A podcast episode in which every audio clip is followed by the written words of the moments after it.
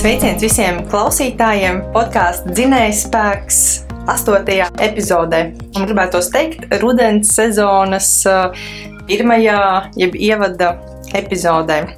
Mani sauc Ilona Zalmane, un kā vienmēr parunāsim ar interesantiem, aktīviem, pašiem cilvēkiem. Jāatzīst gan, ka līdz ar rudeni un rudens vējiem arī podkāstam ir uh, nākušas tādas kā pārmaiņas. Un, manuprāt, tas tikai loģiski, jo laika ejot, augu mainos es pati, un arī podkāsts no tādas mazas idejas sēkliņas palēnām aug un kļūst, manuprāt, par kaut ko tādu konkrētāku un, uh, un jau ar tādu savu personību, būtību.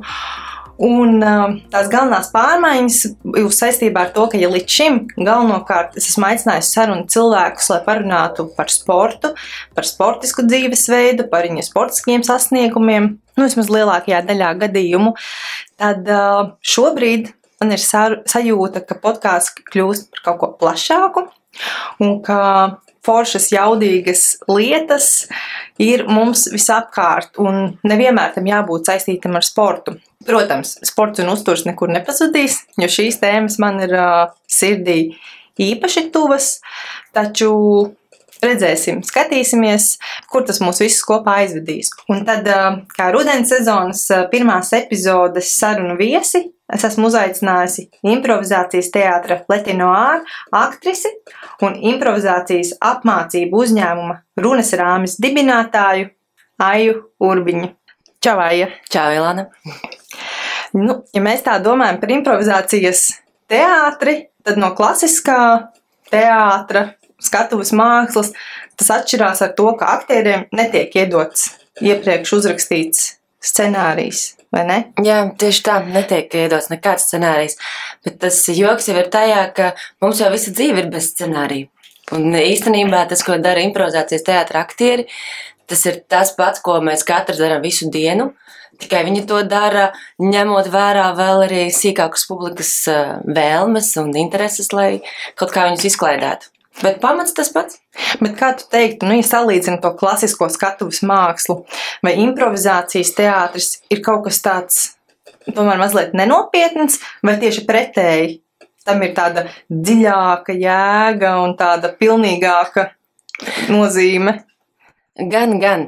Um, mums ir tāds uh, īpatnējs, droši vien, veids, kā tas ienāca Latvijā. Jo Latvijā viņš vairāk ienāca tiešām kā īsie komēdiju skeči kā mazas īsas etīdes, iepriekš nesagatavotas un kuru pamatā ir humors. Bet, ja improvizācijas teātris paskatās plašāk un liela daļa improvizatoru, ja, kas, kas kādreiz arī to visu uzsāka jau 20 un vairāk gadus atpakaļ, nu jau arī skatās uz to plašāk un viņu izrādēs var redzēt, ka tur nāk iekšā, piemēram, saucamās garās formas, kas ir viena etīde, jeb viena izrāde, kas sastāv no daudzām mazām etīdēm, bet tā doma ir viena, tieši tāpat kā teātrī, kad tu skaties divas stundas izrādi.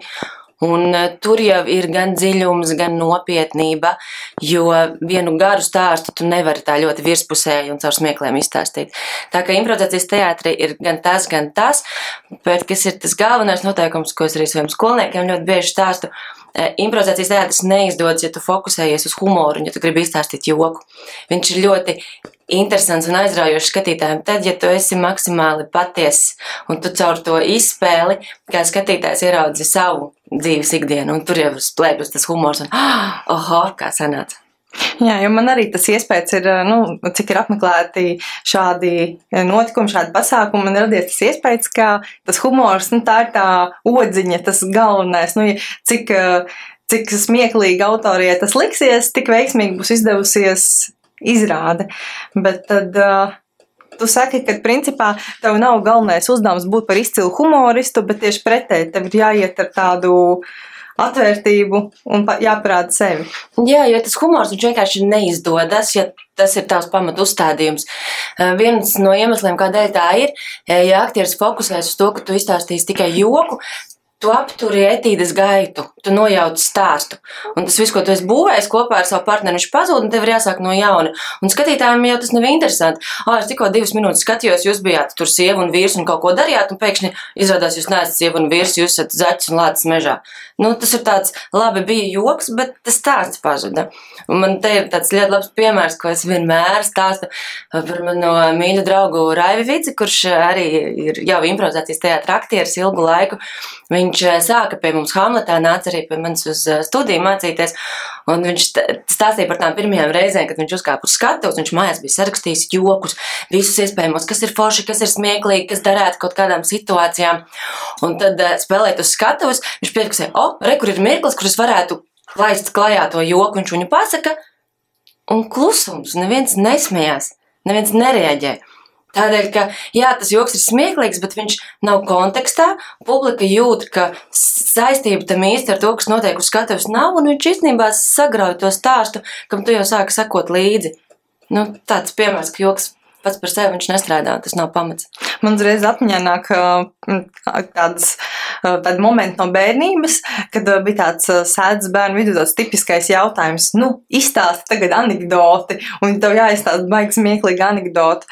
Un tad, ja tu pats pirms tam esi kaut kur lasījis kaut kādā tur žurnālā vai kur, un pats smējies tur līgs, tad mm -hmm. tiklīdz tu tā uz pasūtījumu to pašu anekdotu atstāsti, visi skatās ar uh, gariem ģīmiem, nopietnām sejām, un uh, un tas joks ir kaut kur tulkojumā aizplūdis projām. Jā, tieši tā, tas ir tas konteksts ja viņš nav kontekstā, nav vairs tas. Tev jau bija droši vien arī citas eh, sajūtas un domas, kad tu lasīji to joku. Mums arī ļoti bieži šis ir tāds populārs, eh, nepatīkams jautājums improvizatoru eh, starpā. Ja tu esi kaut kādā pasākumā, kur varbūt ir mazāk pazīstami cilvēki, viņi uzzina, ka tu esi improvizators, tad viņi gaida no tevis kumēdiņus vai izstāsti joku vai parādi kaut ko. Tu tagad uzspēlējam kaut ko izklaidējumu mūs, nu tas tāds vispopulārākais, bet hei, mēs arī gribam tikai atpūsties un mēs neesam joku mašīna mašīnas stāstāmās. Tā. Ņemšu, ņemšu to vērā. -hmm. Neklupšu virsū citreiz arī ar tādiem aicinājumiem. Bet uh, improvizācijas teātrim kaut kāda saistība stand-up komēdijām vai tas ir kaut kāds žanrs, vai tas ir kaut kas pavisam cits? Tas ir kaut kas cits. Saistība ir tāda, ka Latvijā to dara Skutelis, ja, kurš ir gan improvizators, gan nu jau arī stand-ups. Un patīk, kā viņš pats par sevi stāstīja, ka tās pirmās reizes, kad to darīja, tu jau pat īsti nezini, kas tas tāds ir, bet tevi jau nosauc par stand-up profesionāli, lai arī tu tikai mēģini iemēģināt. Stand-ups tas ir sarakstīts lietas iepriekš un sagatavotas.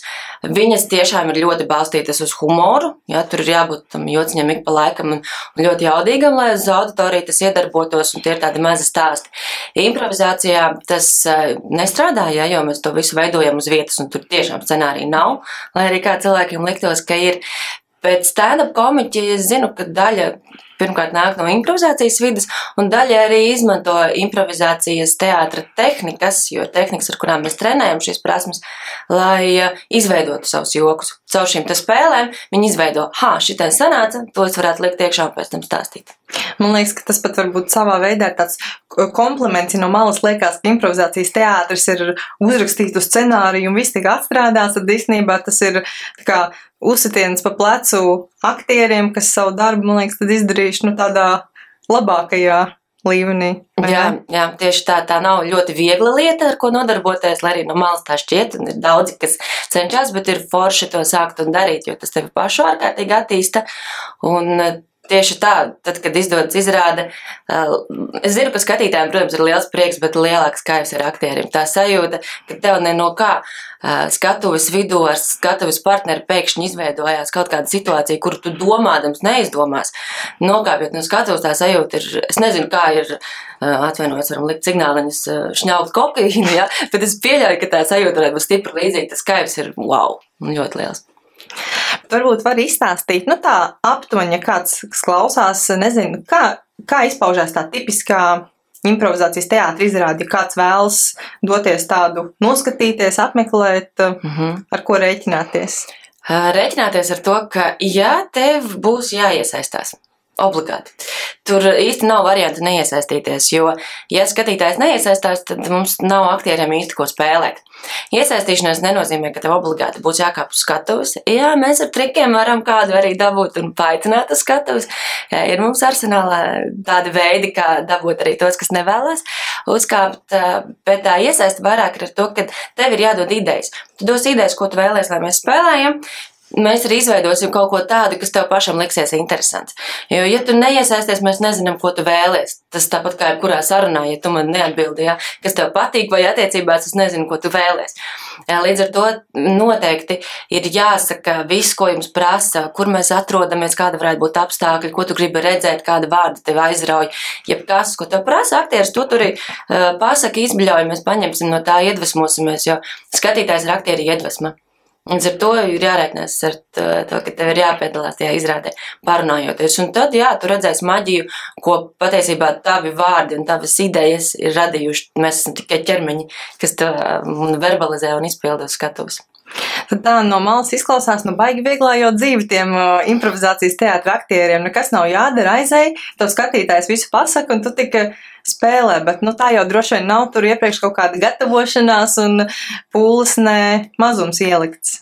Ir ļoti daudz treniņu, jā, jo pamatu, tas, kas improvizācijas teātra aktierim ir jāizdara, viņam ir ļoti īsā laika posmā no ļoti minimālas informācijas, kas ir pieejama, ir jāpieņem lēmums un jāizveido kaut kas plus mīnus saprotams, ja? tā, tāds, tā, tāds saprotams zināma ziņa ja tā var teikt, vai informācija, ko tu nodod skatītājiem.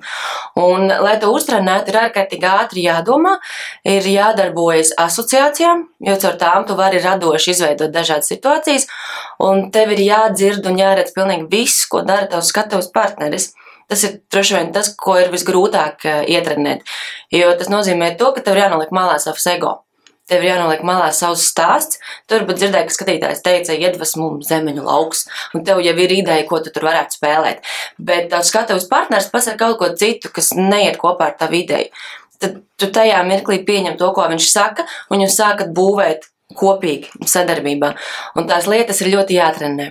Jo ikdienā mums patīk iet savu izdomāto stāstu, stāstīt savu tekstu, un tikai tas ir pareizi. Un kurš, ko tu man te citu saki, mēs nevienmēr mākam klausīties vai klausīties līdz galam cilvēkos, un kur nu vēl saredzēt eh, tās reakcijas pretī. Viņas ir pozitīvas, negatīvas, vai uz kuru pusi tu virzies. Un tās prasmes ir tās, kuras improvizācijas teātrī aktieri trenē savos treniņos, lai tālāk, ja izrādē, viņi spētu ātri reaģēt. Un tā kā salīdzināja to improvizācijas teātra dzīvi, tad tiešām tā arī Tas izklausās jau viss tas, ko tikko nosauca. Man liekas, tās spējas ir nu, vitāli svarīgas ikdienas eh, komunikācijā, vienkārši attiecībās ar līdzcilvēkiem, ar ģimeni, ar draugiem, ar jebko, lai tu nekļūtu par tādu kaitinošu, uz sevi vērstu cilvēku. Nu, kaut kādā mērā, vai ne? Jā, tieši tā, tas ir uz jebkura soļa. Mums arī ikdienā ir eh, jāpieņem lēmumi, mums ir jāsaprot, kā mēs reaģējam, un mēs, mēs nezinām, ko mums teiks mūsu biedri sarunu, kurus mēs satiekam. Es arī nezinu, ko tu man šeit tagad podkāstā teiks. Ja? Un, lai mēs varētu adekvāti reaģēt, mums ir jāspēj gan viņus saklausīt, gan pieņemt un uh, mazliet cīnīties ar to savu ego. Man ļoti patīk, es kaut kad uh, nesen lasīju par vienu meditācijas kursu, uh, par to, ko viņš dod un kā viņš attīsta cilvēku. Un es sapratu, ka improvizācijas teātris, tehnikas un treniņi patiesībā ir tieši tas pats, ko dod meditācija. Tas ir klātesamība, apzināšanās par visu, kas notiek apkārt, pieņemt to situāciju, kas ir visu hausu. Nevis es tagad pieņemšu šitos 90% no savas dzīves vai savas dienas, un tie 10 man nepatīk, es viņus ignorēšu. Nu, ja viņus ignorēs, viņi tāpat kaut kādā mirklī ienāks un, un uh, izveidos. Uh, problēmiņas visticamāk. Tad tev ir jāredz un jāpieņem tas viss, un tad jau balstoties uz to, tu tālāk rīkojies. Ļoti līdzīgi tas bija aprakstīts meditācijas kursā, ko viņa tevī kā cilvēkā veido un atraisa. Tā kā jā, tā ir aktīvā meditācija, manuprāt. O, šāda definīcija mm -hmm. vēl nebija saskārusies par improvizācijas mākslu, bet, manuprāt, diezgan, diezgan trāpīgi. Tagad uh, runājot ar tevi un klausoties, tas ir tā ar tādu nu, tiešām pieredzējušu profesionāli, bet uh, Paldies. katrs, uh, katrs uh, meistars kādreiz ir bijis iesācējs, amatieris. Un uh, varbūt tu vari pastāstīt vispār par savu ceļu, kā tu nonāci līdz improvizācijas teātrim, cik sen tas bija, un kas vēl pa vidam ir bijis līdz tu esi nonākusi līdz šodienai? Man šķiet, ka es joprojām mācos, un daudzās lietās esmu amatieris. Tas ir kaut kas tāds, kas nekad nebeigsies. Sākums gan bija traki sen. Es nosaukšu gadus, tad sāks rēķināt, cik sievietei ir gadi. Bet jā, sākums bija pirms 20 gadiem. Es mācījos vidusskolā Valmierā un es sāku apmeklēt teātras sportu. Teātras sports ir ļoti, ļoti līdzīgs improvizācijas teātrim. Atšķirība ir tikai tā, ja improvizācijas teātrī spēlē viena trupa, ja, priekšā, tad teātras sportā divas vai vairākas komandas viena pret otru sacenšas, kura labāk kaut ko nospēlēs vai kur labāk kādu no etīdēm vai tehnikām parādīs. Nu, tā ir tīra atšķirība. Bet metodas ir tieši tās pašas. Nu, lūk, tad es sāku teātras sportā Valmierā un tad es tāds laucinieks, jo Valmērā es biju tikai trīs gadus vidusskolētājs, nāku no ļoti, ļoti, ļoti maza ciematiņa Vaidavas. Un tad es tāds um, laucinieks, viņš nokļuva Rīgā, uh, Stradiņu universitātē. Un uh, bija traki grūti. Es Rīgu nespēju saprast, es nespēju viņā orientēties, viss bija slikti. Es šeit katru vakaru raudāju, apmaldījos pilnīgi visur. Un absolūti nejauši nokļuvu teātrī klubā Hamlets kur spēlēja improvizācijas teātri, un viņiem bija burvīga prakse. Par ko es esmu priecīga, ka arī ir um, daži teātri to ir atsākuši. Ja nemaldos, spiedienam ir arī tā, tāda opcija, ka jebkurš cilvēks var uzkāpt uz skatuves un vienkārši pamēģināt spēlēt improvizācijas teātri. Tev nav jābūt kaut kādā trupā.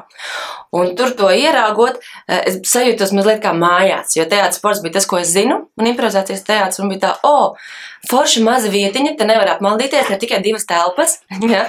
un te spēlē to, ko es zinu.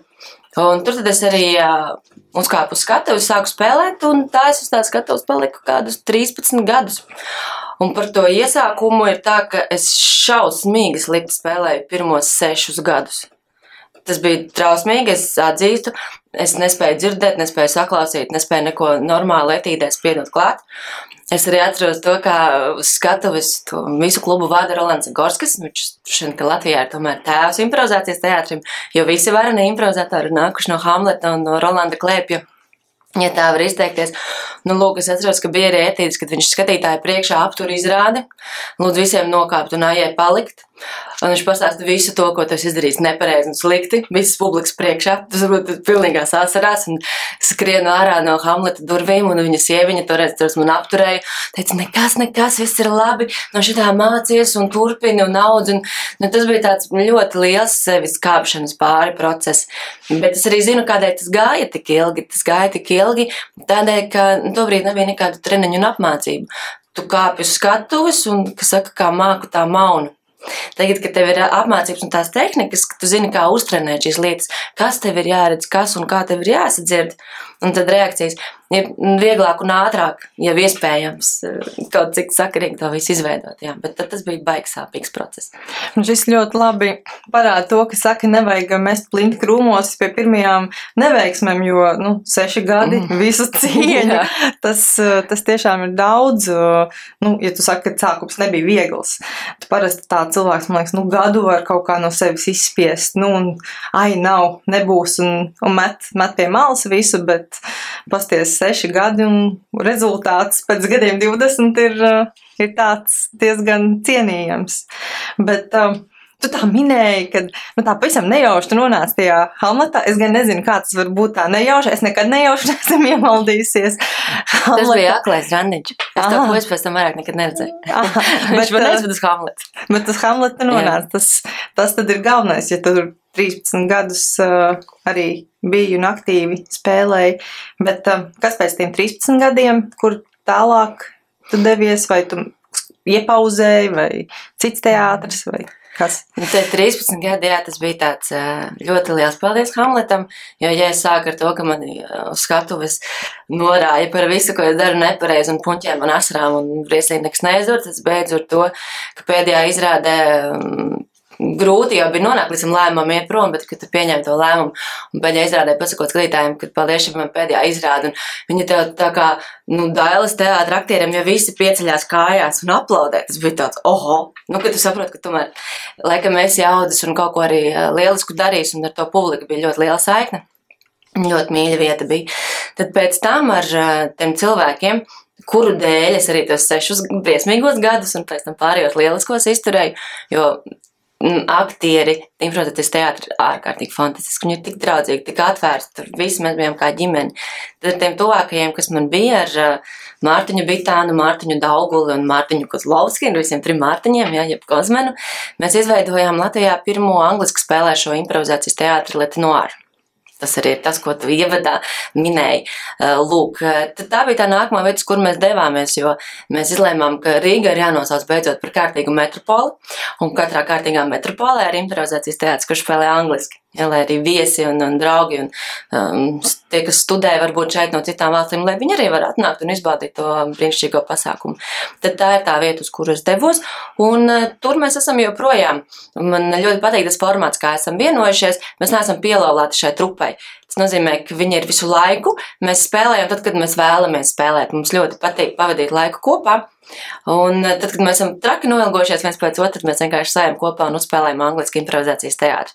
Līdz ar to mums nav katru nedēļu, piemēram, trešdienās, bet mums ir ik pa mēnesi vai ik pa pāri mēnesi, tad, kad uh, visiem ir laiks un vēlme kopā uzspēlēt. Tas man liekas, jau tāds nākamais līmenis, nu, kā, kad uh, dzimtajā valodā jau tev paliek pa viegli improvizēt, tad uh, pielieto languļodu un centies uh, izteikties gana bagātīgi un uh, forši. Tas ir tāds eh, izaicinājums, jā, droši vien nākamais solīts, jo atceries jau par to, ka ir spontanitāte un tev ir jādomā uzreiz. Ja tev ir vārdi jāpārtulko galvā, tad tas var neizdoties. Ne visiem tas izdodas. Eh, mūsu grupā ir tas pozitīvais, ka mēs visi strādājam vidēs, kur ir angļu valodā jārunā ikdienā. Ja tu esi ieradies, tā jau ir tev kā otrā valoda, bet ja tu viņu vienkārši zini un mēģinās spēlēt, būs traki grūti. Eh, man bija izaicinājums, kad es devos uz um, pagājušajā gadā Keiptonā, Dienvidāfrikas Republikā bija improvizācijas teātra. Nu, kas kon, ne, konferences, ne kāds kādās, festivāls, jā, atcerējos īsto vārdu festivāls. No daudzām valstīm bija sabraukuši kopā un skaidrs, ka tur viss spēlēja angliski. Un, lūk, tas bija izaicinājums palikt angliski, jo tur bija amerikāņu angļu valoda, britu angļu valoda, kanādas angļu valoda, austrālijas angļu valoda un arī dienvidā Āfrikas angļu valoda, jo tur viņiem tā ir viena no pamatu valodām. Un izrādās, ka vārdu saldējums, pieņemsim, aizskrim, var pateikt septiņos dažādos veidos. Un uz skatuves neviens no tiem aktieriem nekad nenosauca tajā vienīgajā vārdā, kuru es zinu, aizskrim. Līdz ar to pusi tu pat nesaproti, kas notiek, par ko ir runa. Līdz ar to tev izslēdzas kaut kādas maņas, lai tu varētu adekvāti reaģēt. Nu, bija ļoti, ļoti interesanti saspēlēties. Izrādās noteikti bija savādāks kā šeit, bet eh, laba mācība un beigās arī tur tāda forša maģija sanāca.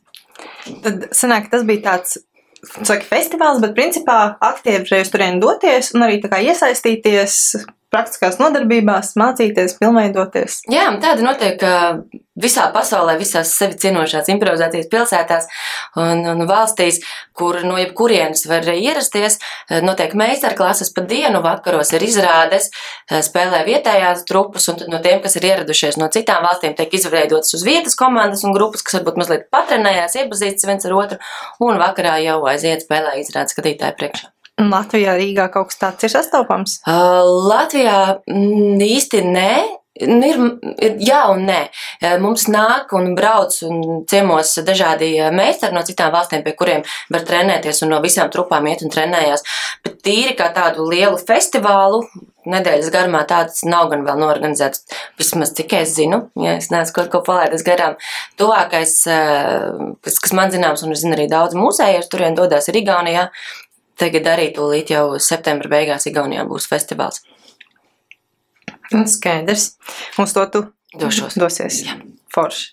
Uh, bet um, papildus uh, aktīvai ikdienai spēlējot teātri, uzstājoties, mācot cits, ir vēl kaut kas tāds, nu, tā kā tavs pamatdarbs vai kaut kas, ko tu paralēli nodarbojusies, vai teātris un skatuves mākslas, tas ir tas uh, galvenais? Teātris un skatuves māksla nekad nav bijis mans pamatdarbs un galvenais, un vienmēr ir bijis hobijs, izklaide, eh, kurā es jūtos labi. Mans pamatdarbs vienmēr ir bijis uh, uzņēmumos, lielos un nopietnos, um, vairāk vai mazāk ar klientu apkalpošanu, gan, gan vadīt departamentus, gan ar kvalitāti un mācībām. Tad uh, tā tas bija līdz šī gada sākumam, kad es izlēmu, ka man ir stipri apnikusi korporatīvā vide. Tas nav īsti mans aicinājums. Jā, es viņu saprotu, es zinu, es spēju viņā darboties un orientēties. Bet um, man nav sajūta, ka es iedodu kaut ko vairāk vai to pievienoto vērtību, ko es varētu iedot. Tādēļ es no tās aizgāju prom un uh, izveidoju savu uzņēmumu, uh, runas rāmis. Un tas nu gan ir tāds apvienojums visai manai dzīvei. Tas ir improvizācijas teātris un korporatīvās vidas apvienojums. Jo esot tajā vidē, kur ir ļoti daudz arī mācības jāvada, gan jāattīsta savi cilvēki, um, lī, savas līderības prasmes un savu darbinieku līderības prasmes, arī klienta apkalpošana, runāšana un sarunāšanās. Tu esi vidē, kur tu meklē cilvēkus, kas palīdzētu to izdarīt, kas vada apmācības, kas vada dažādas motivējošas treniņus un šīs lietas. Un sāpīgi ir tajā mirklī, kad tu samaksā traku naudu par tiem treniņiem, un saproti, ka tas tavs cilvēkus iedvesmo varbūt uz mēnesi, un tajās apmācībās viņi iegūst, nu, varbūt 10-15%. Tā teorija, ko viņi dod, ir fantastiska, tur viss ir pareizi, un arī tie treniņi ir ļoti labi. Bet tas ieguvums ir īstermiņa, jo cilvēkam jau nemainās ieradumi nemainās tas, kā tu ikdienā darbojies. Tu varbūt zini, ja tu, teiksim, arī stāsti par uzturu veselīgu. Mēs visi zinām, kas ir veselīgs uzturs. Zinām taču, vai ne? Protams. Cik daudz no mums eh, saņemās un to ievērot. Tas nav mūsu ieradumos. Nu, kādam ir, kādam nav. Un tieši tas pats ir ar tām apmācībām. Ja tas tev nav ieradumos, tad tu zini to teoriju, bet tu viņu nepielieto vai ļoti maz pielieto uz īsu brītiņu. Un tā bija tāda mana sāpja, un kaut kādā mirklī, es nezinu, kā to nosaukt, gaisma no debesīm, ja, vai klikšķis galvā, kad es sapratu, ka tas taču ir tas, ko es visu laiku daru improvizācijas teātrī. Tās jau ir tās prasmes, kas izveidojās. Un tad es sāku par to meklēt vairāk, un izrādās, ka pasaulē ir tāda lieta kā applied impro vai applied improvisation jau vairāk kā desmit gadus, kur visi lielākie uzņēmumi arī izmanto savu darbinieku gan attīstīšanai, gan vērtībām, uzņēmumu kultūrām, tirgus izpētēm un kādām tik nevēl fantastiskām lietām. Kur, kas nozīmē to, ka tās improvizācijas teātras tehnikas, ko mēs kā aktieri trenējam, lai būtu labas izrādes, ka viņas var mazliet pamainīt un pielāgot tam, lai apmācītu korporatīvā vidē strādājušus cilvēkus, arī vienkārši ikdienā cilvēks, kas vēlas sev pilnveidot, lai viņiem tās um, lietas, ko tas iemācījies teorijā, varētu caur spēlēm izveidot par prasmēm, kuras tu automātiski sākas pielietot savā ikdienā tā zinātnē, kas saucās neironu ceļu izveidošana smadzenēs. Ja? Ir, ir zinātnieki, kas aizmirst uzvārdu, traki slikti. Es zinu, ja tu saki zinātniskus faktus un nepamatojies uz zinātnieku, bet tas ir pierādīts un to var pārbaudīt, ka cilvēkam, lai rastos jauns ieradums, tā tā lieta ir jāatkārto 200 līdz 400 reizes. Bet, ja to dara ar spēlēm, pietiek ar 20 reizēm. Tas ir ārkārtīgi liela atšķirība. Vai nu tu vienkārši to dari 240 reizes, un kuram ir tik daudz pacietības, vai arī tu paspēlējies, ko mēs darām improvizācijas tehnikās, un iegūsi to prasmu, un viņi kļūst par tavu dabisku personības sastāvdaļu. Nu, lūk, tas ir tas garais ievads, ko es izveidoju savā uzņēmumā. Apvienojot to, ko es zinu, kas ir vajadzīgs korporatīvai videi, ar tām lieliskajām improvizācijas teātras tehnikām, kurām pati trenējos, un arī savus cilvēkus jau iepriekš biju apzināti vai neapzināti trenējusi darbā. Man liekas, lielisks variants, kad satiekas tavs ilggadējs hobijs un tā patiesa aizraušanās ar, tavu, ar to pieredzi, ko tas uzkrājas gada ejot, strādājot savās darba vietās. Tiešām veiksmīgi. Tā. Jā, izrādās, ka visam dzīvē ir nozīme, vai ne? Ko arī jau mēs no gudriem citātiem zinām. Bet jā, tās visas lietas var savienot, ja tu tā apsēdies, paklausies un tici savai sirdsbalsī.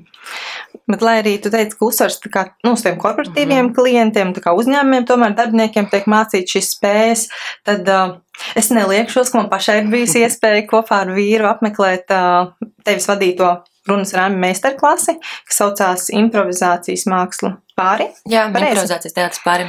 Un um, es teikšu atklāt, ka sākumā nebija ne jausmas, ko gaidīt, kā tas tagad būs. Mēs te iesim un mācīsimies kaut kā pāri improvizēt vai vispār. Nu, pilnīgi nebija nekādas apjausmas, taču beigās mēs palikām patīkami pārsteigti, cik patiesībā tas viss process bija tāds uh, aktīvs, radošs, uh, ar iespēju tiešām iesaistīties un darīt, un pat tajā salīdzinoši īsajā laikā kaut ko apgūt. Un es atceros arī, kā teicu, ka svarīgi uh, sakoordinēt savu ķermeni ar savu balsi, ar savām domām, lai nav tā, ka pa priekšu, pa priekšu te un runā, un tikai pēc tam tu domā. Un, um, Kā tev pašai liekas, vēl, nu, kas ir tās vērtīgākās um, vērtīgākās lietas, ko tieši jebkurš cilvēks savā ikdienas dzīvē vai attiecībās no tā var paņemt, bez tā, ka tu priekš domām tad runā. Klausīties un sadzirdēt būtu tiešā atbilde uz tavu jautājumu. Um, improvizācijas teātris pārējiem tā ir mana ļoti, ļoti izlolots sapnis. Uh, tā doma man radās treniņos pat, pati vislielākā laikam tieši Dienvidā Afrikā, kad es biju treniņos ar pilnīgi svešiem cilvēkiem, eh, kur mēs trenējām to, lai mēs ātrāk viens otru iepazītu, saskaņu sadarbību. Kas saprotu, es pēc vienas dienas treniņa ar pilnīgi svešiem cilvēkiem, es jūtos ar viņiem tuvāka nekā ar savu partneri. Tas liekas jocīgi, nu, taču es viņu zinu, jā, cik ilgi, un, un šeit ar svešiem cilvēkiem. Tādēļ, ka tās tehnikas, ko tur izmanto, un viņas ir tik jaudīgas, un viņas, tā teikt, patiešo aizved tevi līdz, nu, līdz tai dvēselē, līdz tai saknei ar to cilvēku, un tu viņu uzreiz vari saprast un sajust. Un tajā mirklī es saprotu, cik tas būtu jaudīgi, ja tu to varētu darīt ar savu mīļoto cilvēku. Manējais mīļotais cilvēks to diemžēl neparakstās, līdz ar to man nav iespējas to ar viņu darīt, lai arī es paklusām cenšos, zinot šīs tehnikas, es paklusām tur cenšos un galvo piespēlēju mazliet, bet jā, izveidojot šo te improvizācijas teātru pāriem, um, ir tieši tāpat, kā tu saki, nu, sākumā ir traki bail visiem nākt, un viņiem liekas, ka tur būs jāmāžos, un jāspēlē izrādes un etīdes, un šausmas jāstāst joki. Bišķi jau ir. Mm, jā, bišku jau ir, bet mirklī, kad jūs esat, esat tam gatavi, vai ne? Tad, kad jūs esat atvērušies un sapratuši, kas tur ir pamatā, nevis tā uzreiz. Jā. Lūk, eh, jo šīs tehnikas, un atbildot uz tavu jautājumu, viņas eh, trenē pamata lietas, sadzirdēt, saklausīt, un, ko es iepriekš teicu, nolikt mazliet to savu ego, lai tu varētu visu visu situāciju pieņemt, kāda viņa īstenībā ir.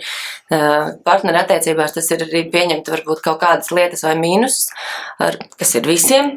Reizēm viņas arī parāda kaut ko, ko tu pat neiedomājies. Visvairāk tas ir uzticēšanās lauciņā, ka tu piefiksē, ka man liekas, ka es uzticos, izrādās nē, ka tu tomēr zemapziņā domā, ka varbūt tas cilvēks nav tik stiprs, lai es viņam varu simtprocentīgi uzticēties. Ja, ir kaut kādas tās, tās bāzītes, un tad viņas smuki atvērt un pierādīt, ka var to izdarīt. Un tas ir jebkurā dzīves lietā. Ja tu iemācies to cilvēku pirmkārt pieņemt, pēc tam arī dzirdēt līdz galam un stāstīt ar viņu kopā jūsu stāstu, nevis tikai to, ko tu esi izdomājis, tavu stāstu, tad tās attiecības, jebkuras viņas veidojas daudz nu, dziļākas, siltākas, tādas jēgpilnākas. Jo man tieši tā sajūta arī palika tāda, ka varbūt uh, nevis iet pirmajā randiņā uz šādu nodarbību, bet uh, tieši, ja tu jau ilgus gadus kopā ar cilvēku un tev liekas, ka viņu pazīsti Jā. no A līdz Z un viss, ir, viss jau ir uh, izmiškots un viss ir skaidrs, tad īsnībā tieši tajā brīdī šāda nodarbība par tevi it kā jau pazīstamo cilvēku, var atklāt daudz jauna un kaut kādā mērā atvērt uh, jaunus temats, jaunas sarunas un to komunikāciju padarīt tādu pilnīgāku ārpus tā, ko ēdīsim vakariņās un kur dosimies brīvdienās. Un, nu jā, un tā uzticība, ko tu teici, es uzreiz uh, atcerējos to uzdevumu arī, kur bija, kur tieši burtiski bija jāuzticās otram cilvēkam un ka, nu, izrādās, kā tu saki, nav nemaz tik viegli, un ar to ir jāstrādā un jādara. Un, un kā ar prātu mēs vienmēr domājam, ka, nu, jā, jā, nu es taču uzticos, nu, bet, bet šādos vingrinājumos, kur vairāk tomēr tas no zemapziņas nāk, tad uh, Tur jau uzreiz kaut kā tā bilde bija citādāk. Un... Jā, tur jau tā mazā maģija, ka, protams, ka tu tam savam cilvēkam uh, uzticies un tu viņam vēlēs visu atklāt, bet uh, nevienmēr mums ir spēks īstenībā atklāt visu, kas mūsos ir iekšā un pateikt, ko mēs gribam tam cilvēkam pateikt vai kā mēs tiešām jūtamies. Tīri varbūt, varbūt lai saudzētu viņa sajūtas, varbūt kādreiz mēs par kaut ko arī kaunējamies. Un te jau nav par sliktām lietām, bet vienkārši par sajūtām. Un caur tām spēlēm viņas eh, tieši nepateiktas, pat neapzināti iznāk ārā. Un līdz ar to tev ir tā iespēja vēl vairāk viņam atklāties, un arī viņam ir iespēja it kā caur spēli, it kā caur humoru, bet atklāties to, ko ikdienā nebija varbūt saņēmies ar savām rīcībām vai, vai vārdiem atklāt, lai arī tas viss ir iekšā. Un tas ir baigi forši, tad, kad tu to redzi par cilvēku un jūs aptos izdarīšu, nu, tas jūs stiprina nenormāli, nekur jau nepazūd tas viss. Man liekas, ka ikdienā tomēr nu, visi cenšas vairāk piedomāt līdzi tam, ko saka, ko dara, lai pateiktu pat nevis nepatiesi, bet lai pateiktu pareizāk, kā ir pareizāk, ko no tevis it kā varbūt sagaida vai ko tev vajadzētu teikt. Un diezgan bieži cilvēki arī tā kā baidās tieši pretēji pateikt kaut ko nepareizu vai pieļaut kaut kādas kļūdas savā komunikācijā, gan ģimenē, varbūt gan ar darba kolēģiem vai citās, citās vidēs. Bet um, tu visu laiku uzsvēri to, ka tās kļūdas tomēr ir uh, jāsvin. Jā, obligāti. Nu, kā, kā pieņemt šādu, šādu uzstādījumu, kļūdas jāsvin? Nu, ja ir nenormāli bail kļūdīties un ko citi par tevi padomās un izgāzties kā vecai sētai. Kā, kā to vispār spēt? Vienmēr jau arī būs. Cilvēkam bailes ir tā ļoti forša, laba, dabiska sajūta, kurai ir jābūt, ja, jo viņa glābi tavu dzīvību. Tādēļ viņi mums ir ielikt iekšā. Tieši tik vienkārši. Bet ir jāsaprot, kuros mirkļos tās bailes tevi attur no kaut kā daudz labāka un kvalitatīvāka. Un tādēļ tās kļūdas ir jāsvin. Mēs esam iemācījušies no bērnības, jebkas, ko mēs darām, arī staigāt un runāt, ir tas, ko tas bērnībā iemācījās. Ja tie paši neironu ceļi, par kuriem es iepriekš runāju. Tad ar kļūdām ir tā, ka tev lielākajai daļai, gan tev, gan man droši vien, vecāki sarājuši par daudzām kļūdām, par hei, kāpēc zaptas burgers asista, kāpēc ar netīrām kurpēm izskrēja cauri visai istabai. Ja? Drābījās vēl kāds skarbāks vecāks, varbūt arī ja gāja pēc bērziņa dakterē, ja? un tur vēl trākāk par savām kļūdām saņēma. Līdz ar to mums ir iegājies automātiskā sajūta kļūda, slikti, sāpīga, nepatīkama, Dievs ar Dievs, ka tikai kāds neuzzina tā tas mums no bērnības ir iegājies, bet eh, tad, kad mēs esam paaugušies mazliet, tā sajūta jau nekur nemainās. Un reizēm mēs pat eh, neko nedaram aiz bailes, ka sanāks kļūda. Man eh, ir ļoti tāds skarbs piemērs, bet arī no pielietojamās improvizācijas pasaules, jau applied improv world. Mm, tad, kad es par to interesējos vairāk, es atradu ir viena sieviete, kas 11. septembrī Amerikā bija un redzēja to visu hausu, kas notiek ar cilvēkiem krīzes situācijās. Un viņi izveidoja uzņēmumu, kas saucas Heroic Impro.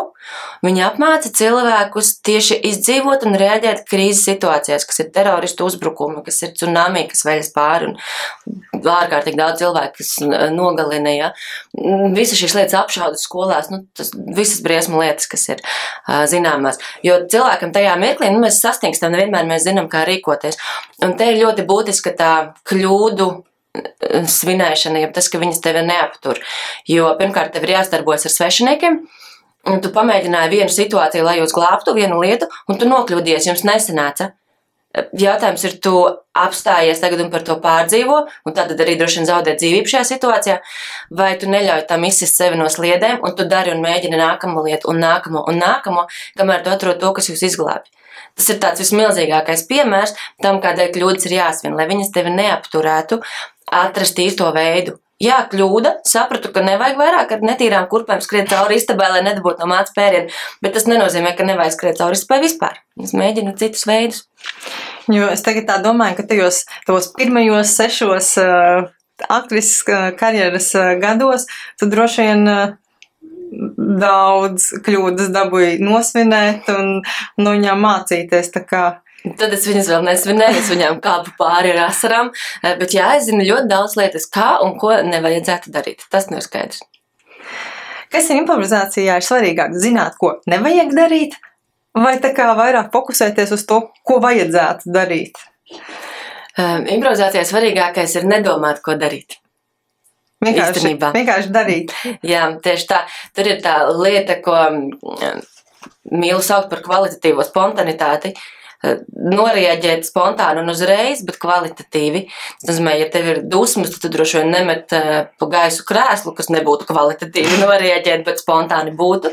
Bet tu spēji adekvāti ar to visu tikt galā, uzreiz to informāciju apstrādāt un reaģēt. Tāpēc ir drīzāk nedomāt, bet spēt reaģēt eh, uzreiz, izējot no tiem apstākļiem.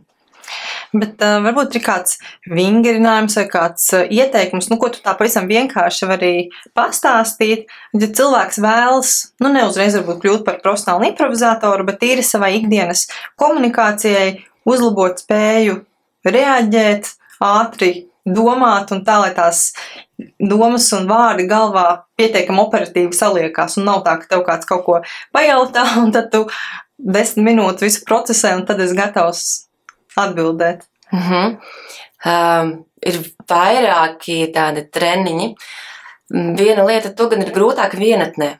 Tiesa gan ir veidi, kā to atrast, kā to izdarīt vienatnē, bet tāds vislabākais treniņš, ko arī visi improvizācijas teātri aktieri vienmēr lieto kā iesildošo, ir asociāciju spēle. Asociācija, nu, pam. Asociācija spēle nozīmē, ko cilvēks sastājas aplī, vienalga 1, 2, 5, 10, 30. Pēc kārtas saka vienu vārdu, un tam vārdam ir jābūt asociācijai ar to, ko tikko pateica to blakus esošais cilvēks. Triks ir tajā, ka ir ritms, tas ir jāsaka ātri un uzreiz. Tad, ja man cilvēks blakus pateica mašīna, man pirmā asociācija ir riepas, es saku riepas. Tas, kas man otrā pusē stāv blakus, jau saka asociāciju no mana vārda riepas. Nu, piemēram, ziema vai vasara, ja tev tas liekas ar riepu, kas ir vēders, varbūt ir. Tu pateici ziema, nākamais jau saka savu asociāciju, kas varētu būt slēpes, tur, piemēram, ja? Un tā tālāk.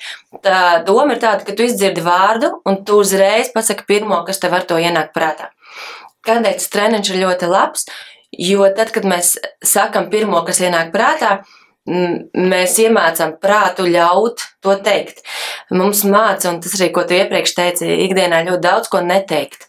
Nu, ka tā kāds, ka tikai kāds neapvainojās, vai kādam es neizdara pāri, vai šitais ir baigi rupji, vai ne? Mums ir ļoti daudz rupju vārdiņu, kurus mēs slēpjam galvā. Tāpat ļoti daudziem mums ir galvā domas par to, ka mēs kādam varētu izdarīt kaut ko traki briesmīgu. Visi mēs domājam šausmīgas domas ik pa laikam. Nu, tas notiek. Un to visu mēs nesakam skaļi. Tad šī asociācija spēle tevi piespiež teikt uzreiz pirmo, kas iznāk ārā.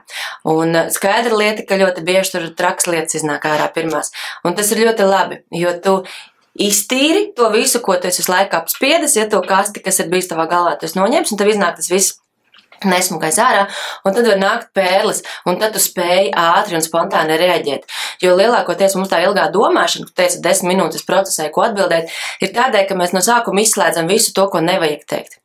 Tad ar šo spēli tu dabū ārā visu to, ko nevajag teikt, un pēc tam iemācies jau uzreiz ātri, pirmajās sekundes simtaļās, dabūt foršu vārdu, foršu asociāciju, nu, kas tev jau pēc tam veido stāstu, ko tam cilvēkam stāstīt galvā. Bet ir šī asociācijas spēles treniņš. Viens pats to var spēlēt, eh, paņem bildītes kaut kādas rindiņā vai kārtis tur ar attēliem izpriedēts no kaut kurienes. Ierauga attēlu, uzreiz pasaka pirmo vārdu, kas ienāk prātā. Ņem nākamo attēlu, uzreiz pirmo vārdu, kas ienāk prātā. Galvenais ir sevi kaučot, ka tu neļauj sev domāt, Un tu tiešām saki, pirmo, kas ienāca prātā, uzreiz tajā pašā sekundē. Man uzreiz ienāca prātā, tagad sāksies garie tumšie rudens vakari, jāuzrīko kaut kāda draugu pasēdēšana, improvizācijas tehniku tematikā, un tad tev būs kompānija, un tad tu vari arī iet un gana jautri pavadīt laiku un pie viena kaut ko papraktizējot noderīgu. Jā, jo ar tām spēlēm traki labi var samācīties, kā sevi attīstīt.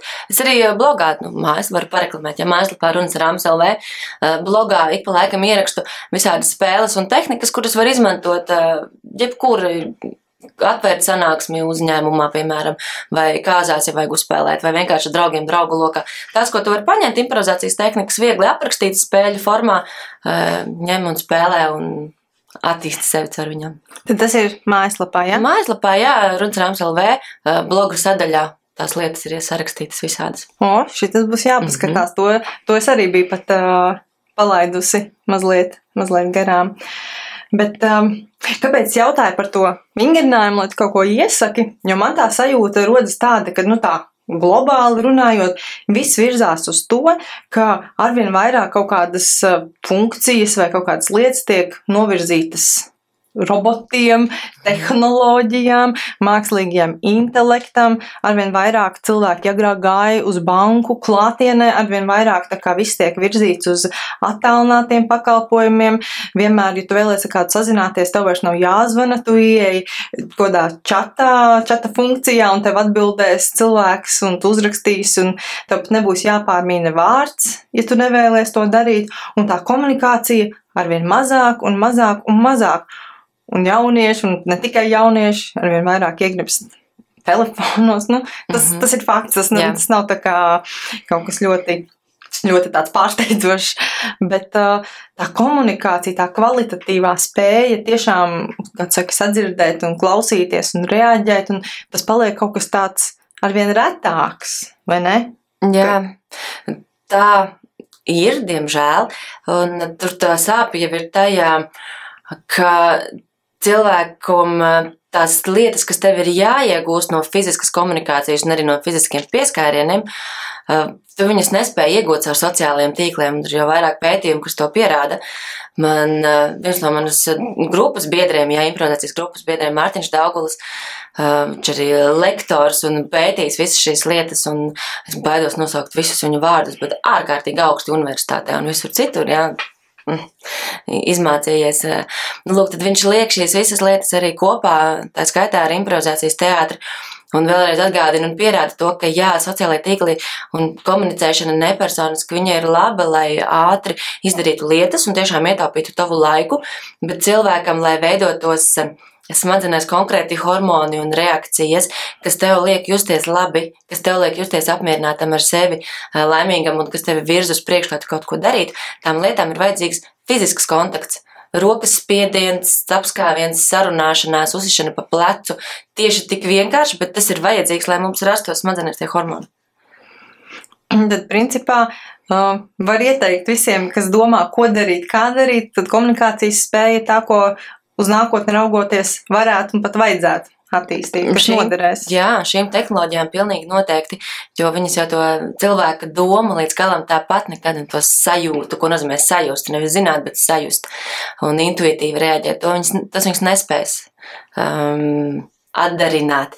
Pati atceros, ka iepriekšējā dzīvē, ja tā var teikt, korporatīvajā, vidē ieviesām chatbotu, kas nozīmē, ka tev automātiski atbild čatā mājaslapā eh, sistēmu uz jautājumiem, kurus tu uzdod, Un eh, Gan jau, ka drīz varēs, un droši vien, ka ir jau tādi, kuri saprot sarkasmu, bet nevienmēr viņi saprot sarkasmu. Cilvēki saprot sarkasmu, jo tas ir kontekstā mazliet lielākā.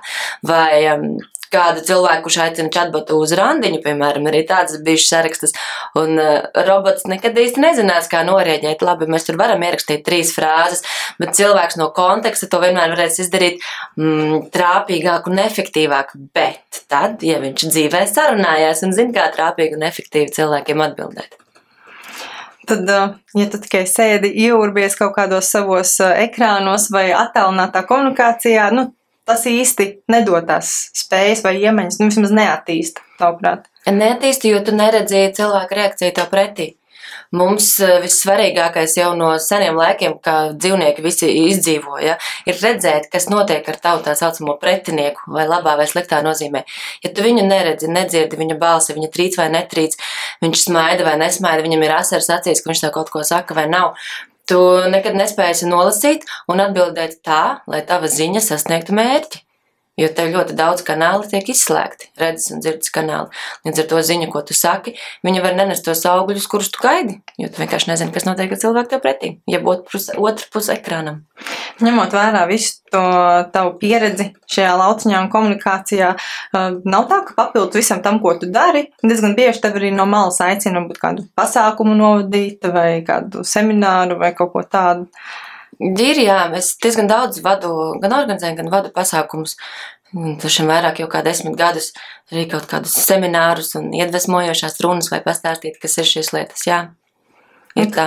Kāda veida pasākumi tev vistuvākie sirdī? Varbūt nezinu, tur kaut kāda korporatīva vai kāzas vai bērnu balītes nu, vai vēl kaut kas cits pavisam. Es esmu ļoti emocionāli cilvēks, tādēļ man visgrūtāk ir vadīt uh, lielas uh, dzimšanas dienu jubilejas, jo tad man aizsitās balss un man gribās sākt raudāt. Uh, bija reiz, kad vadīju kundzei 60. dzimšanas dienu, kad tik man tagad to atceroties, ar neaizsitās balss. Un kad tev ir jāsaka, cik burvīgi, ka jums ir tik liela ģimene, tu redzi to ģimenes spēku. Mm, ka viņi visi ir kopā apvienojušies un sveic, tad, tad man vairāk pārņem emocijas un reizēm ir grūti viņas savaldīt, cik tas ir skaisti. Bet man ļoti patīk tādus uh, pasākumus vadīt, kas ir, uh, kas ir ar jēgu, kas ir ar sirsnību, kas nav tāda tīri tehniski, lai kaut ko kādam pārdotu vai pierādītu, bet kas ir, lai cilvēkam iedotu emociju un sajūtu. Arī korporatīvie pasākumi, tie ir ārkārtīgi forši, jo viņos tiešām tiek organizēti, viņi piedomā, lai tie darbinieki justos labi, lai viņiem ir interesanti, ja tās ir sporta spēles, lai viņi nesatraumētos vai Ziemassvētkos, lai ir tā mīļā sajūta gan tiem, kam ir, gan nav ģimeņu, lai viņiem tur ir tā siltā sajūta. Un tādus man ļoti patīk vadīt, kur tu vari cilvēkiem labas emocijas nodot. Un tie ir tie pozitīvie piemēri, bet tā, ja atklāti, ir kādreiz gadījies, nu, kad nu, tāda auditorija, ko nu, nekādi nevar pavilkt, un, un nav, nav tā saskaņa, varbūt, vai kaut kas tāds, vai tā jau sen vairs negadās? Gadās. Tad ir, protams, prasmes, ar kurām tu, kuras tu liec lietā, lai tiks no šīm situācijām ārā. Protams, ka gadās. Um, Negribu teikt konkrēti, savādāk uzreiz var atcerēties, un varbūt kāds saprast, kurš tas ir bijis. Bet ir bijušas situācijas, jā, vairāk korporatīvajā, korporatīvajā vidē, ne privātajā, kur ir bijusi ļoti, ļoti strikti cilvēki ar pilnīgi citiem uzskatiem un domām, un viņi, ir, viņiem bija, viņi bija aizvest uz vietu, lai viņiem mācītu improvizācijas teātri. Viņi par to nezināja, cilvēki tam nebija sagatavoti. Lielākā daļa bija par mani vismaz 40 gadus vecāki, ne vairāk. Tas ir tuvu pensijas vecumam. Ļoti, ļoti strikta vidi un pilnīgi no cita reģiona, kuras, kuras es nāku. Ja, tāds, vairāk uz kurzemes pusi, kur, kur mums cilvēki ir uh, ar stingrāku raksturu, un uh, viņi ir tādi, ka tikai mēs un savējie, un pārējos nu, grūtāk pieņemt. Tā, tas nav labi neslikts, tā ir viņu e, tāda mm, iezīme. Nu, lūk, tad, tad tur bija pāris ļoti izaicinoši cilvēki, kuri pat e, uzvedās tā, ka viņi pārējiem teica, ja tu tagad to darīsi, tu būsi pilnīgs idiots, un tu nedrīkst to darīt. Tu ko? Nu, kas ne vienkārši paši nedara, bet arī pārējos aptur no darīšanas. Tas bija tāds e, interesants piedzīvojums, bet es tiku ar viņiem galā. Tu iepriekš zināji, nu, kāda būs tā auditorija, vai tas tev arī bija tāds pārsteigums? Nezināju, es tajā situācijā aizvietoju kādu savu kolēģi, kurš bija saslims un netika. Es iepriekšējā vakarā uzzināju, ka man tas būs jādara. Aizjūt tur, es ieraudzīju, kas, kas ir un kas tur notiek, un ka cilvēki nav par to informēti. Tas bija tāds ļoti, ļoti improvizējošs pasākums, ja pilnīgi tu biji iemests iekšā tajā situācijā. Jā, gadās arī tādi. Redz, tad forši arī tev ir vēl tādas situācijas, kurās tu vari mazliet izaicināt sevi un kaut ko kaut ko jaunu, varbūt iemācīties vai kaut kādu pieredzi gūt. O, tādu ir ļoti daudz. Ar uzņēmumu atvēršanu tās ir pat vēl vairāk, jo tev katram ir jāstāsta, kas tas īsti ir. Un no tā, ap to ir ļoti daudz mīti. Jo improvizācijas teātris, kāds pat teica, viņš ir ienācis ar to, ka tu redz, ka tas ir humors, joki, tas ir viss, ar ko asociējas, un katru reizi, kad tu saki, ka tu to izmantos mācībām, vai ka tu ar to vari trenēties, cilvēks redz tikai to, ka man būs jāstāsta anekdots vai joki. Līdz ar to izaicinājumi ir ārkārtīgi daudz, un reakcijas ir ļoti dažādas, uh, kā cilvēki to uztver, un to visu stāstīt, uh, katru dienu. Pilns ar izaicinājumiem. Bet kā tā vērtē vispār no malas? Vai katram cilvēkam, tavuprāt, ir potenciāls kļūt par, nu, ja ne par izcilu aktieru, bet nu, par tādu tīri ikdienā, tīri pieklājīgu improvizatoru, vai tomēr ir kaut kāda cilvēku daļa, kurai nav lemts? Es uzskatu, ka katram, jā, jo mēs jau arī katrs katru dienu improvizējam. Un, kā es teicu sākumā, tas uh, labais jau ir tajā, ka to var izdarīt jebkurš, un tev nav jāstāst joku, tev ir jābūt patiesam. Treniņi tev iemāca vienkārši kļūt par labāku sevis versiju. Tādēļ uh, to var darīt katrs, un mums ir burvīgi skatuves partneri, kur galvenais uzdevums ir izcelt saulītē savu skatuves partneri, nevis sevi. Līdz ar to tā saspēle, un jo dažādāk ir cilvēki un cilvēku raksturu un veidi, jo tā saspēle ir interesantāka. Tāpēc katrs ir laipni lūgt šajā laukā. Bet trenējoties un uh, novērtējot savas spējas, es arī pirmos sešus gadus nu, negāju tur, kur es negāju, jo es zinu, ka es vēl nespēju tās lietas izdarīt. Varbūt vairāk ir problēma, ka tev šķiet, ka tu jā, uzkāpsi, izstāstīs piecus joks, un tu būsi lielisks improvizators. Tā gluži nē, bet caur trenēšanos jebkurš var. Protams. Un tad uh, to uztrenēt var viens, mēs runājam, uh, var pats trenēties ar kartiņām, dažādas asociācijas domāt, var tavas uh, mājaslapas runas rāmas blogā paskatīties, kopā ar draugiem var patrenēties. Tie būtu jā, tie pirmie soļi. Eh, ar tiem tikai nepietiks būt eh, par labu improvizatoru, jo viens pats tu nevari par to kļūt. Tev ir jāsaspēlējas un jāmāk ar citiem cilvēkiem saspēlēties. Tādēļ tie treniņi vienmēr būs grupu treniņi, lai tu vari, kā mēs runājam iepriekš, nolasīt un redzēt, kas notiek tavā skatuves partnerī. Tad iespējams var doties pie tevis uz runas rāmi. Jā. Var doties arī pie manis uz runas rāmja. Šobrīd. Eh, kaut kāds varbūt plāns ir, kaut kādas nodarbības, ko tu zini, nu, uz kurām varētu doties? Vai... Dotajā brīdī ir nodarbība sāksies nā, nākamā nedēļa. Nezinu, kad iznāks podkāsts 12. septembrī komunikācijas nodarbība. Tās būs četras nodarbības, kurās mēs izmantosim improvizācijas teātra tehnikas, lai mācītos sarunāties, sadzirdēt vienam otru, attīstīt savu harizmu, jo, starp citu, jebkurš cilvēks var iemācīties arī būt harizmātisks. Tas nav mīts, un ar to nav tā, ka tu tikai piedzimsti. Jā, tā ka šīs li visas lietas un stāstus stāstīt, to mēs trenēsim. Tīri, lai tu kāptu uz skatuves un kļūst par improvizācijas teātra aktieri, Tādus kursus gan es nevarēšu piedāvāt, bet ir uh, gana daudz foršas vietas, kur to var darīt. Noteikti. Piemēram, nu, es noteikti varu rekomendēt uh, spiedienu. Man mīļi puiši un dāmas, jo visi kādreiz arī Hamletā kopā spēlējām. Uh, arī uh, Rīgas improvizācijas teātris neesmu droši, vai tagad Raimonds ir vai nav atvērs jaunas um, grupas, bet uh, pie viņa arī varēja nākt un ļoti labi apgūt prasmes. Nu, tie ir tie cilvēki, kurus es zinu, ka viņi dara labi. Noteikti, ka ir vēl, bet savu vārdu varu dot tikai par tiem, kurus uh -huh. es zinu, esmu pārbaudījis. Nu, man liekas, tev gan daudz iespējas pateikt, ja kādam būs tā vēlme un tā interese pamēģināt, tad es domāju, ka kāds no šiem visiem variantiem arī derēs. Mm -hmm. bet, Um, tā kā mūsu sarunas laiks uh, diezgan strauji jau iet uz beigām, es gribēju vēl pajautāt tev tādu lietu, nu, ārpus tā, tās uh, profesionālās vides, ārpus improvizācijas teātra un darba, ir vēl kaut kādas dzīves jomas, kurās tev patīk improvizēt, nu, piemēram, virtuvē, cepot kūkas vai ceļojumos vai kaut kas pavisam tā kā Nesaistīta ar to teātri. Nesaistīta ar teātri. Uh, droši vien, ka tā otra lieta, jo tu sākumā minēji, ka tev ievadot šo te visu par sportu un arī par kulināriju, tad uh, kulinārijas jomā es neeksperimentēju, es ļoti strikti pieturos pie receptēm. Man ir tādas, kuras es zinu, un viņas labi sanāk. Un es zinu, ja es noeksperimentēju, tad man tur nekas nesanāk. Tādēļ tur es nelēlu, nelaižos improvizācijas jūrā. Bet par sportošanu nu gan. Tas īstenībā ir tā lieta, kur man patīk meklēt un paimprovizēt un atrast veidus, ko un kā darīt, lai man būtu interesanti. Kādreiz es absolūti nebiju sporta cilvēks, bet tas visu laikam iet, laikam iet roku rokā tu sāc um, darīt lietas, kas uh, tavu ķermeni un tavu prātu atbrīvo, padara mierīgāku un laimīgāku, un tad arī tu atļaujies uh, paskatīties, kad ko es vēl varētu pamainīt, varbūt darbu nomainīt, varbūt uzņēmumu atvērt. Ja tas, tas noteikti ir tas, kur, ko sports man dod. Es sākumā sāku skriet, tad es papētīju, kas man vairāk tajās joprojām skrienu, bet lietas, kas man vairāk interesē, kur tu vari improvizēt, tad uh, viss, kas ir ar dēļiem, es dievinu ziemā braukt ar snowboardu, vasarā ar wakeboardu. Uh, tieši tāpat sākumā tev nesanāk nekas, bet pamazām sanāk vairāk, un tad pamēģini tā vai šitā, uh, kur, kur, kur varētu doties uh, kaut kādās vietās vai pilsētās, kur tu nekad to neesi darījis. Un pilnīgi nezināmos kalnos vai ūdeņos uh, ar gumiju lekt, pat Meksikā aizbrauc noliec ar gumiju.